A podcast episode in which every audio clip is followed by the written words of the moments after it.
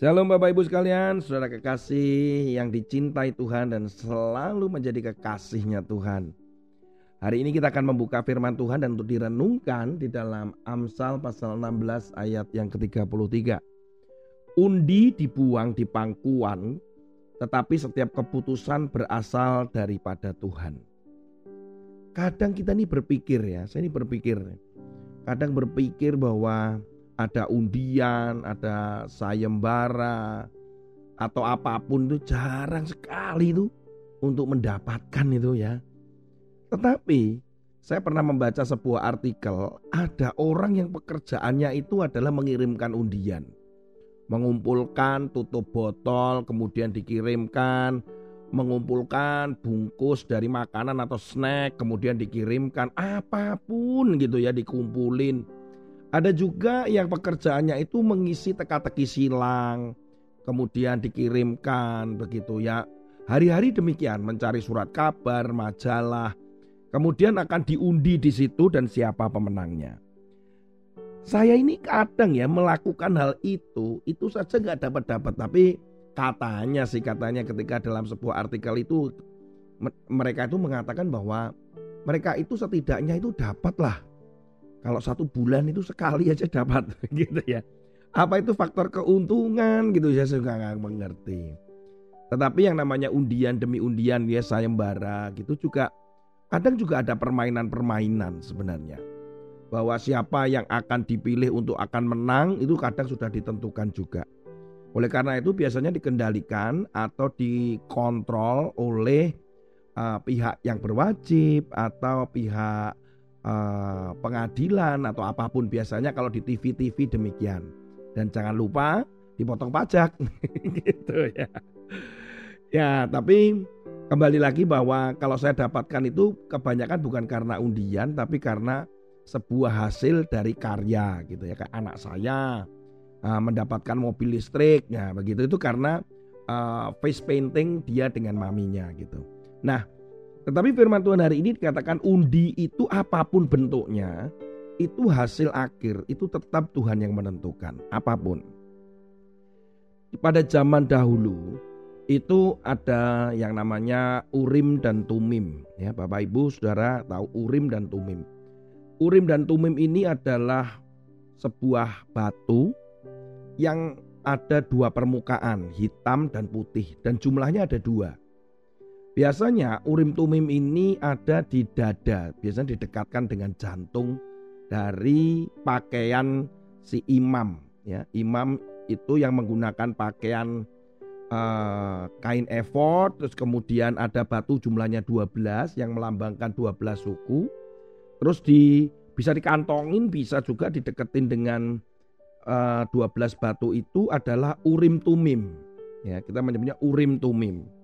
Urim itu artinya lampu atau terang, sedang tumim itu adalah kesempurnaan.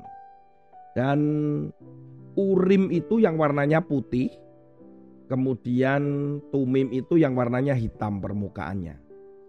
Jadi kalau orang Israel, orang Yahudi itu ingin mengetahui jawaban Tuhan dari doa dan permohonan, ya tidak, mereka selalu datang kepada imam dan kemudian imam itu akan melemparkan dua batu itu, ya sepasang batu itu. Kalau permukaan putih-putih atau urim-urim gitu ya, putih-putih, maka jawabannya adalah ya. Tapi kalau tumim-tumim atau hitam-hitam, maka jawabannya tidak.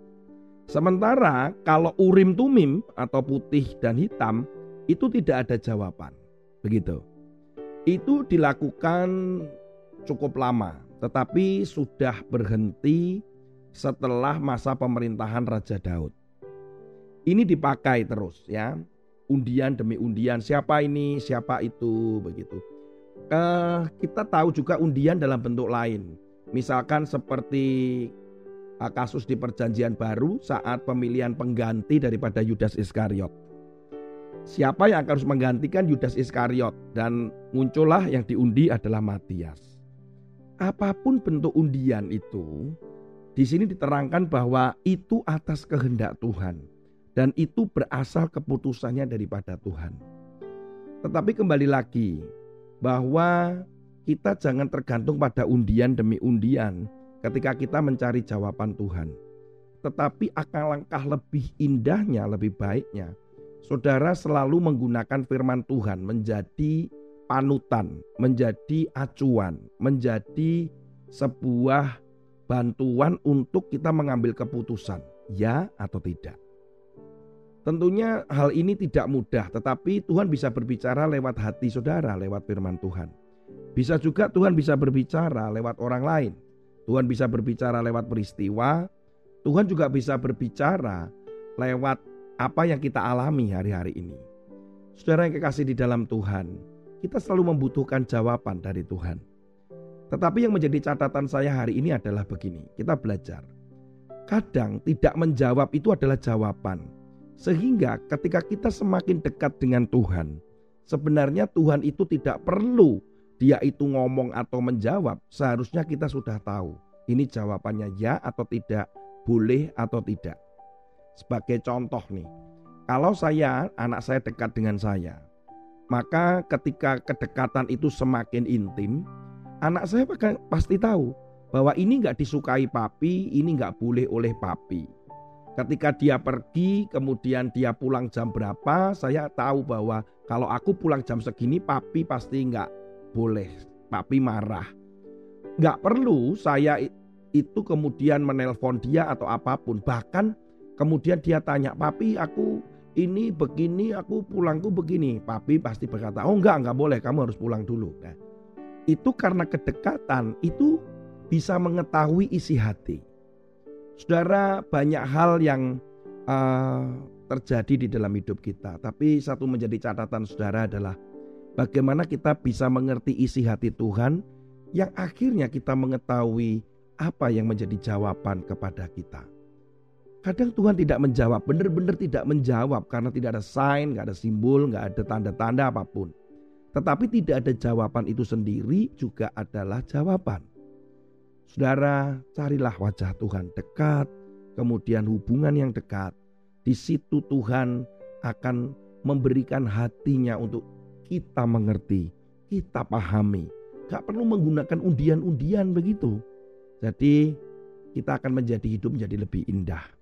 Dan tahu bahwa firman Tuhan yang kita baca dan kita renungkan setiap hari itu adalah semua juga jawaban daripada Tuhan. Tuhan Yesus memberkati saudara. Sampai ketemu dan saya berdoa saudara semakin memiliki kepekaan dan telinga yang lebar untuk mendengarkan suara Tuhan. Haleluya. Amin. Hanya dekat kasihmu Bapa Jiwaku pun tentram Engkau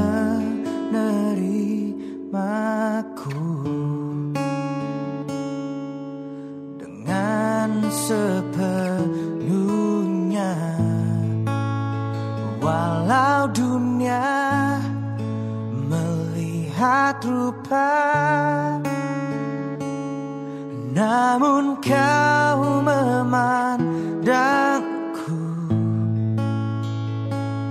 Sampai ke dalaman hatiku.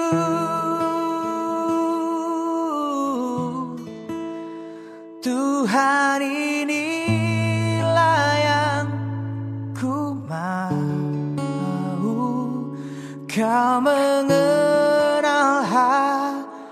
hatiku Jauh melebihi semua Yang terdekat sekalipun. Tuhan inilah yang ku mau Kau menjaga hatiku Raya kehidupan memancar senantiasa. Oh Tuhan inilah yang ku tahu kau mengerti.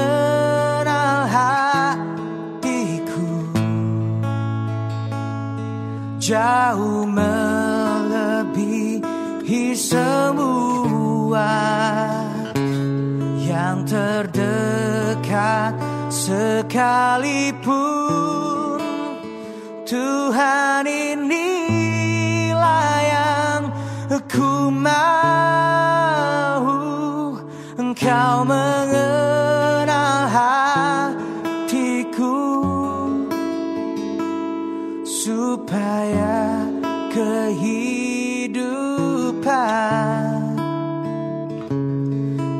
memancar senantiasa supaya kehidupan memancar senantiasa supaya kehidupan 너만 잘 써난 대사